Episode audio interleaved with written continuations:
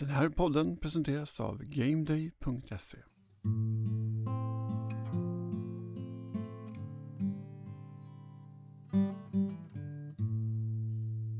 Hej och välkommen tillbaka till NFL Supporter Dokumentär.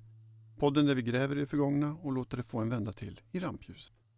Jag som håller i denna podd heter Per Fogelin och innan vi drar igång idag så vill jag bara passa på att nämna att vi på NFL Supporter även har en del andra poddar. Dessa bär då namnen Veckans NFL, Veckans College och Veckans Fantasy.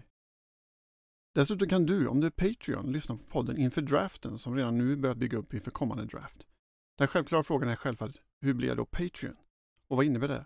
Jo, på Patreon.com, det är en sida där man kan stötta olika projekt som man gillar. Där hittar man då till exempel NFL Supporter. Och man kan teckna sig att bli månadsgivare. Bland annat får man då möjligheten att chatta med oss och alla andra Patreons på vår Slack-kanal samt få tillgång till annat exklusivt material.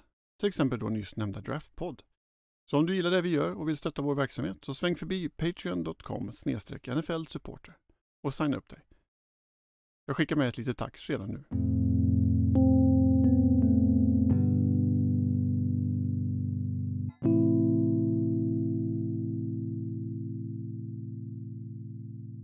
I dagens avsnitt har jag tagit mig en fundera på det här med vad NFL-spelare gör efter karriären och hur de förbereder sig för tiden efter fotbollen. För den dagen kommer. Ibland snabbare än vad spelarna själva hade räknat med. Den genomsnittliga karriären i NFL är bara tre och ett halvt år. Vilket gör att det inte är dumt att planera för morgondagen redan idag så att säga. Det allra vanligaste yrket bland före detta spelare är helt enkelt att de startar någon slags verksamhet. De har ändå lite kapital på fickan och är ändå ett känt ansikte. Kanske inte alltid på nationell nivå, men relativt ofta på den regionala nivån i staden där de spelat. En annan väg är att gå likt Tony Romo med flera, det vill säga ta steget över till TV. Eller varför inte film? Film och TV har trots allt givit jobb till många NFL-spelare genom åren. Jim Brown var till exempel med i 12 fördömda män som ni alla kommer ihåg säkert. Och Bubba Smith blev känd på 80-talet för allmänheten genom Polisskolan-filmerna. Men ju mer man grottar i detta så inser man dock att även om NFL-spelare bevistas Hollywood tämligen frekvent så är det ofta ganska löjliga roller. Antingen spelar de rå tuffing i någon obskyr biroll eller så är de just karikatyrer av fotbollsspelare. Och ibland spelar de till och med sig själva. Frågan man ställer sig är således om det finns någon som lyckas ta steget till Hollywood och som lyckas på båda planhalvorna om vi säger så. Gärna då under planerade former. Denzel Washingtons son John David Washington var visserligen med i Christopher Nolans Tenet nyligen, vilket ändå får kvala in som en stor huvudroll. Men problemet med honom det är ju att hans NFL-karriär gick tämligen obemärkt förbi, då Rams droppade honom innan han ens lyckats smutsa ner några kläder. En sak gjorde han nog rätt i alla fall. Ska man bli stjärna i både NFL och Hollywood, ja då är nog Rams ett tämligen bra lag att spela för. Här finns både närheten och nätverken för att ta steget till Hollywood. Även om det många gånger bara är temporärt så är det ändå i änglarnas stad man ska spela fotboll om man har skådisdrömmar. Åtminstone om historien ska tjäna som någon slags rättesnöre. Så min tanke med dagens program var helt enkelt att vi beger oss till västkusten och Los Angeles och letar upp en Rams-spelare som faktiskt lyckas med det där. Att gå från att vara spelare i NFL till att vara skådespelare på vita duken. Det finns trots allt några att välja bland här, vi har fastnat för en herre som dessutom kan bjuda på lite sköna historier och som enligt vår egen lilla devis är värd ett varv till i rampljuset. Men nu ska vi inte gå händelserna i förväg utan låt oss eh, sätta scenen som man säger på filmspråk. Vi ska tillbaka till slutet av 40-talet då Cleveland Rams flyttade västerut och landade mitt i filmindustrins kanske allra mest gyllene era.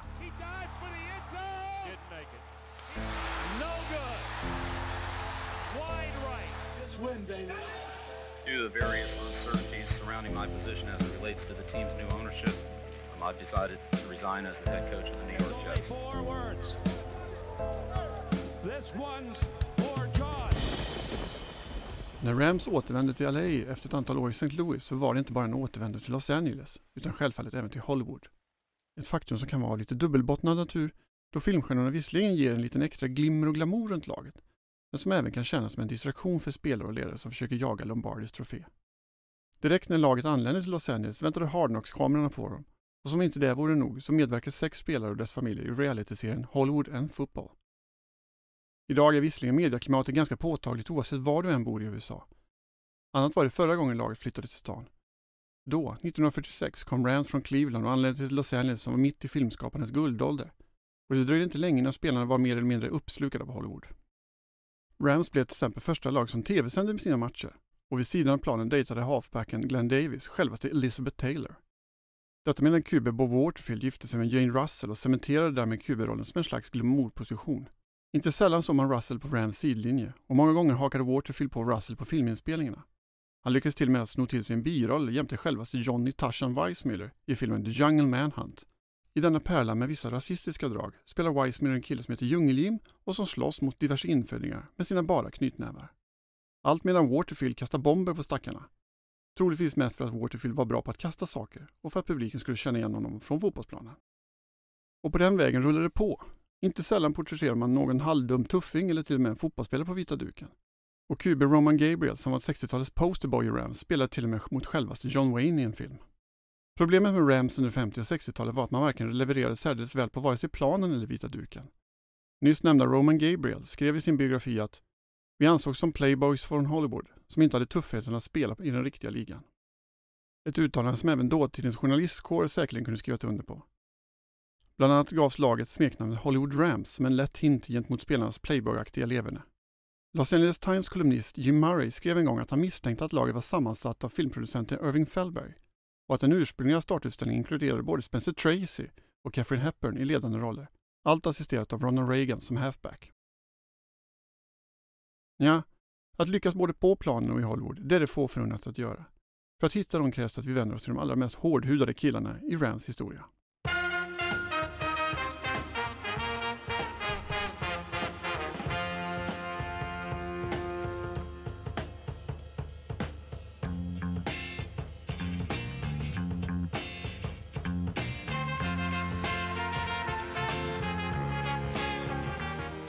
En av ligans mest ökända defensiva linjer var The Fearsome Foursome. Los Angeles Rams frontfyra under 60 och 70-talen. Originaluppställningen bestod av Deacon Jones, Lamar Lundy, Merlin Olsen samt Rosie Greer. Denna kvartett var inte bara sevärd på planen utan de besatte även andra talanger som gjorde att tv och film bara kastade sig över dem. Lamar Lundy är visserligen krediterad med vissa skådespelarinsatser men höll oftast en relativt låg profil. Deacon Jones däremot hade troligtvis den rappaste käft som ligan skådat och går vi vidare så var Rosie Greer den skönsjungande gentlemannen medan Merlin Olsen var den stora snälla björnen som alla älskade. Om du som rollbesättare i Hollywood behövde en stor stark kar på över 195 cm så fanns det något för alla smaker i Rams frontkvartett. Det var bara att åka ut till Rams träningsanläggning och välja. Nu har vi ju dock vår lilla devis att vi ska lyfta fram saker som är värda ett varv till i rampljuset. Någonting som eh, hintar om att vi plockar upp saker som kanske inte har varit i rampljuset fullt så mycket. Vill du veta mer om The Fearsome Foursomes originaluppsättning så tycker jag att du ska kolla in A Football Life som finns tillgängligt via Game Pass som brukar vara tämligen billig så här i juletid. Den är väl värd att se och kvartetten med Deacon Jones, Lamar Lundy, Rosie Greer och Merlin Olsen skulle man kunna prata om i flera timmar om. Men det får bli ett annat avsnitt. Här på NFL Sport har vi istället valt att grotta ner oss ytterligare i Rams försvarslinje från 60 och 70-talen. Originalvarianten av The Fearsome Foursome splittrades redan 1967 men ersättarna som kom in fyllde luckorna bra vilket gjorde att smeknamnet levde kvar långt in på 70-talet. I draften 1971 så hittade man bland annat en framtida Hall of Famer i form av Jack Youngblood.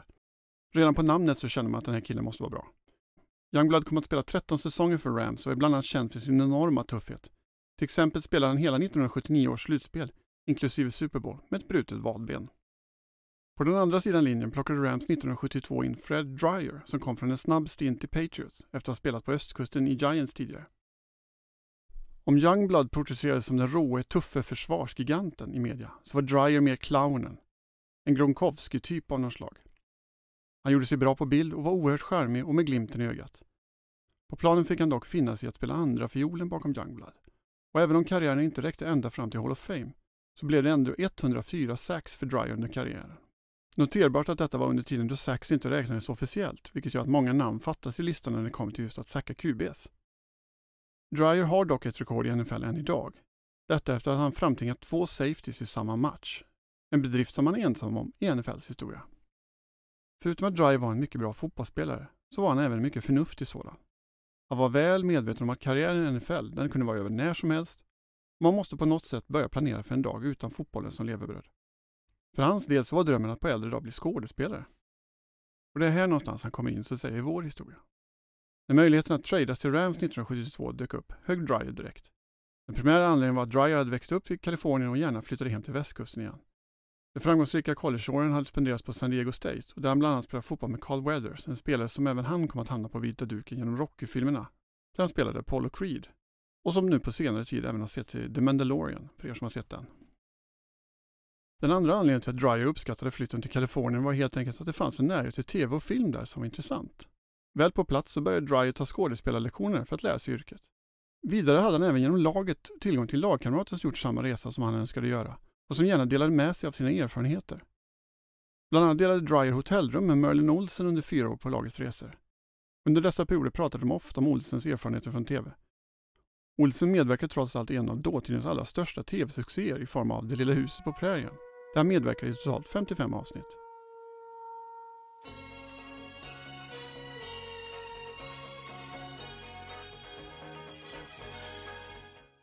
Även om Olsen gillade tv-mediet så var det inte helt problemfritt att balansera yrket som kubedräpare ena dagen och mysig farbror på tv den nästa. Det är trots allt inte helt enkelt att framstå som badass och skrämmande när motståndarna på planen får den sockersöta vignetten till Lilla huset i öronen så fort de ser den. Men lite som Baloo lärde Mowgli om livet i djungeln så lärde helt enkelt Möller Olsen Fred Dryer allt han kunde om Hollywood.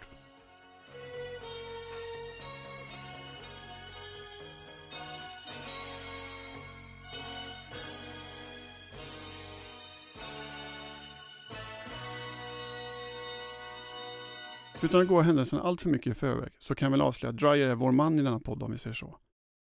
Där vi befinner oss i historien så är dock Dreyer bara en bra fotbollsspelare som var en rätt rolig prick vid sidan om. Dryers första chans till lite mediaexponering utanför planen kom i samband med Super Bowl i januari 1975. Rams hade fallit på målsnöret så att säga när de förlorade mot Vikings i NFC Championship Game med 16-6 och Dryer och hans lagkamrater var klara för säsongen. Plötsligt ringde dock telefonen hemma hos Dryer på andra sidan var Dick Chapp som arbetade som redaktör för magasinet Sport. Chapp erbjöd Dryer och hans lagkamrat Lance Rentzel att åka till New Orleans och bevaka Super Bowl för magasinets räkning. Tanken var någonstans att Dryer och Rentzel skulle erbjuda en liten annan vinkel på reportaget än vad normala journalistkåren skulle erbjuda. Dryer och Rentzel tackade ja till uppdraget och började fundera på ett kul sätt att ta sig an det. Någonstans i planeringsarbetet, eller vad vi nu ska kalla det, hamnade de båda två i en biografsalong. På duken visades filmen The Front Page med den ikoniska duon Jack Lemmon och Walter Matthau.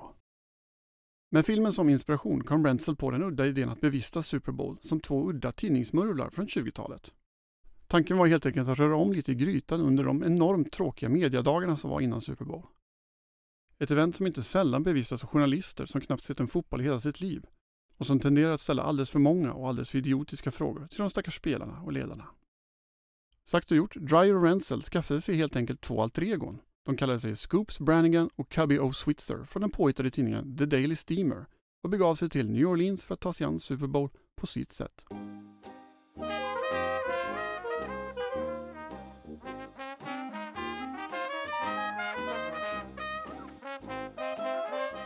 För att komma in i karaktär så skaffade de sig tidstypiska kostymer från 20-talet. Och för att få den där härliga murvel-looken så gick de ut och krökade rejält innan mediedagarna och valde sedan att sova med kläderna på. Bakfulla och skrynkliga anlände sedan Scoops och Cubby, som de kallar sig numera, till Steelers pressfrukost på The Fontainebleau Motor Hotel. Först ut var Steelers coach Chuck Noll, som vackert fick sitta och svara på journalistkårens tråkiga frågor. Till slut kände dock Cubby och Scoops att det var deras tur. Fred Dryer ställde sig upp, presenterade sig och ställde sin fråga. ”Eh, ursäkta, tror du zonförsvar är här för att stanna och om inte, vart är det i så fall på väg? Rummet blev tyst. Och det dröjde inte länge innan moderatorn sökte upp de två och undrade lite lätt vad de var för filurer. Scoops och Cubby visade upp sina presskort och förklarade att de var här för att bevaka eventet och det fanns inget NFL kunde göra för att stoppa dem. Och på den vägen så rullade det på. Man sökte bland annat upp Jim Marshall på Vikings presskonferens och undrade om huruvida referensen till att spelarna var på var en hint om att de skulle ta droger innan match. Man frågade även Frank Tarkerton den existentiella frågan. De säger att man ska spela som det inte fanns någon morgondag. Men om solen går upp ändå, kommer du då bli besviken? Tarkenton var ändå en humoristisk kille och svarade glatt på killarnas fråga. På uppföljningsfrågan om han inte kunde vinna stora matcher och i så fall varför så svarade han helt enkelt Ja, det är sant. Jag är tyvärr inte tillräckligt dedikerad för att vinna stora matcher. Det krävs trots allt en oerhörd disciplin för att vinna dem. Scoops och Cubby gjorde succé under mediadagarna. Kanske dock inte ur NFLs synvinkel, men av alla andra tillresta så var de den stora behållningen. För Scoops och Cubby själva så var det fest på kvällarna och på dagarna fortsatte de att ställa skojiga frågor på presskonferenserna. Men säg den glädje som varar för evigt. En kväll knackade på dörren. Det var Dick Shapp, deras uppdragsgivare, som uppmanade dem att kila ner till lobbyn nere på hotellet. Peter Russell, ligans VD, var där nere och ville prata med dem. Och han var tydligen inte glad. Mycket riktigt. Nere i loungen så väntade mycket irriterad Peter Russell, som undrade lite lätt om killarna hade kul. Oh ja, jättekul! Kunde inte vara bättre, svarade de. Är ni klara med era upptåg? Fortsatte Rosell. Nej, vi tänkte köra på imorgon också. Det blir kul. Jag sa, är ni klara med era upptåg? Repeterade Rosell. Ja, ja, skulle vi kanske kunna vara. Jag tror ni är klara nu. Dryer och Rensel förstod mycket väl vad Rosell sa. Det var liksom inte någon idé att fortsätta. De ville inte riskera sina jobb. Samtidigt var ju skadan, eller nyttan, det beror på hur vi ser det, redan gjord. Dryer och Rensel hade lagt ribban för kommande år vad gäller bus och upptåg under Super Bowl-veckan.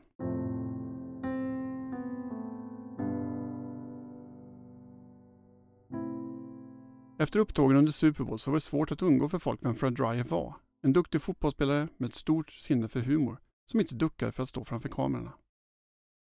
1976 kom då det som enligt IMDB var hans första filmjobb.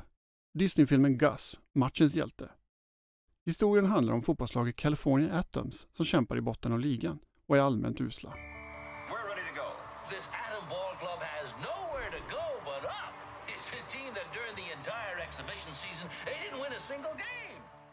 De skaffar sig dock en förstärkning i form av en ny kicker. För är det någonting som ett lag på dekis behöver så är det ju en ny kicker. Det vet vi ju alla. Nu var det dock så att det här var ingen vanlig kicker. Utan den fotbollsparkande jugoslaviska åsnan Gus. Som självfallet får allting att vända för laget. Det är ju en Disney-film vi pratar om.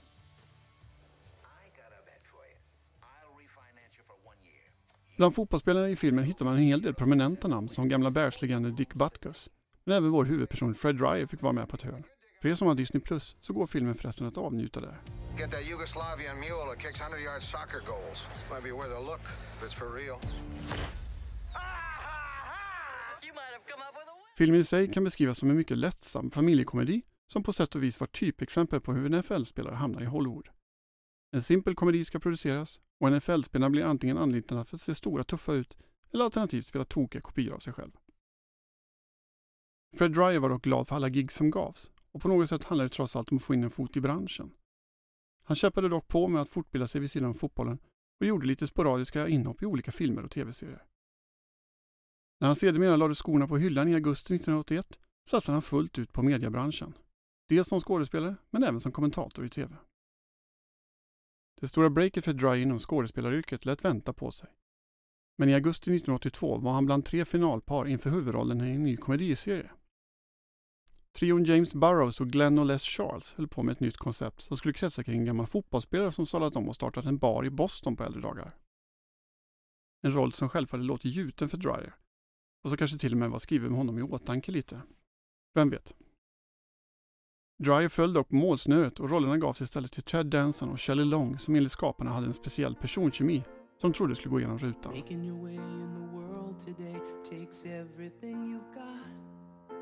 Taking a break from all your worries sure would help a lot. Wouldn't you like to get away? Cheers, eller Skål, hade premiär i september 1982 och blev en megahit. Huvudpersonen Sam Malones sportbakgrund ändrades dock snabbt från fotboll till baseball. Vilket skaparna kände var lite mer troligt med tanke på att Danson inte hade den fysik som till exempel Dryer hade.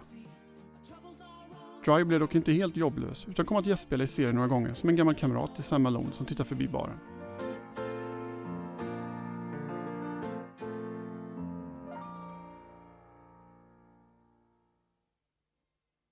Dry lät sig dock inte nedslås utan fortsatte att hanka sig fram i film och tv-branschen. Det blev lite jobb här och lite jobb där. Och 1984 kom slutligen The Break som han hade längtat efter så. Det blev tyvärr dock inte några inspelningar nere i Florida eftersom producenterna upplevde att han var för lång för rollen som Sonny Crockett i Miami Vice. Något som Don Johnson säkert tackar sin lyckliga stjärna för idag. Istället blev Dryers genombrott rollen som den hårdkokte snuten Hunter. Och varför är alla snutar hårdkokta förresten? Ja, en tv-serie som spelade på det för 80-talet framgångsrika konceptet av en man och en kvinna som löser brott ihop. Ni minns säkert Par i hjärter, Par i brott eller Remington Steel.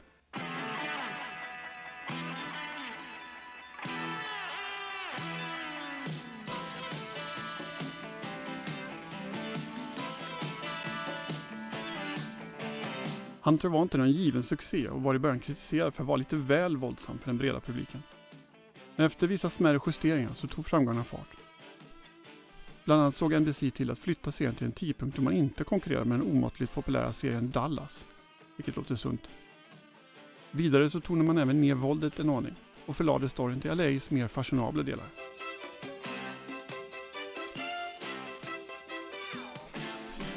I och med dessa justeringar så började publiken också titta på programmet. Hunter kom att rulla i sju säsonger innan NBC stängde ner butiken efter 152 avsnitt.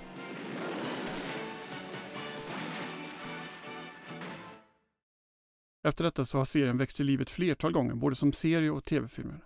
Dock utan att göra något större väsen av sig. Dryers karriär i tv har dock rullat på med diverse gästspel och på senare år har man kunnat se honom i tv-serier som NCIS, Crisis och Agents of Shield. För den stora massan kommer han dock alltid förbli den hårdkokte snuten Rick Hunter.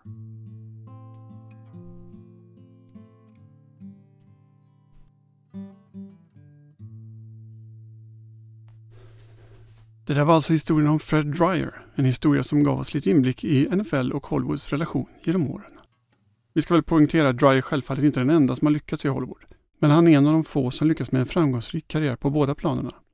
Han har dock aldrig lyckats att vinna varken en Oscar, Emmy eller Super Bowl, men ändå. Närmast han kommit några av de statyetterna var en Super Bowl-förlust mot Steelers 1979. Så här efter programmet, medan vi trappar ner lite, så ska vi bara passa på att nämna några som varit och vänt i Hollywood med stor framgång. Steelers genomtrevliga gamle QB Terry Bradshaw har till exempel även gjort både det ena och andra på TV.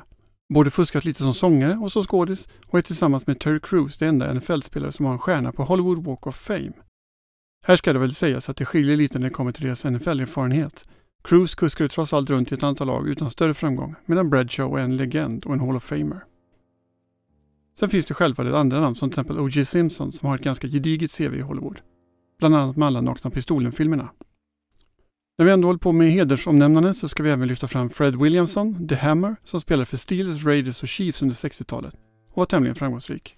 Efter karriären i NFL har det sedan blivit ganska lång karriär inom främst actiongenren.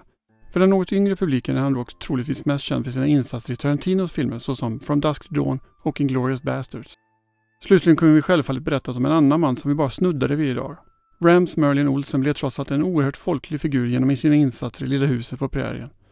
Han hade även en tv-serie på 80-talet sedan, vid namn Father Murphy, som gick i två säsonger. Om du har en historia som du vill dela med dig av så är det bara att mejla till oss på redaktionen på info.nflsupporter.se info.nflsupporter.se eller kontakta mig på Twitter, där heter jag att Per. Tills nästa gång vi hörs, ha det riktigt gott!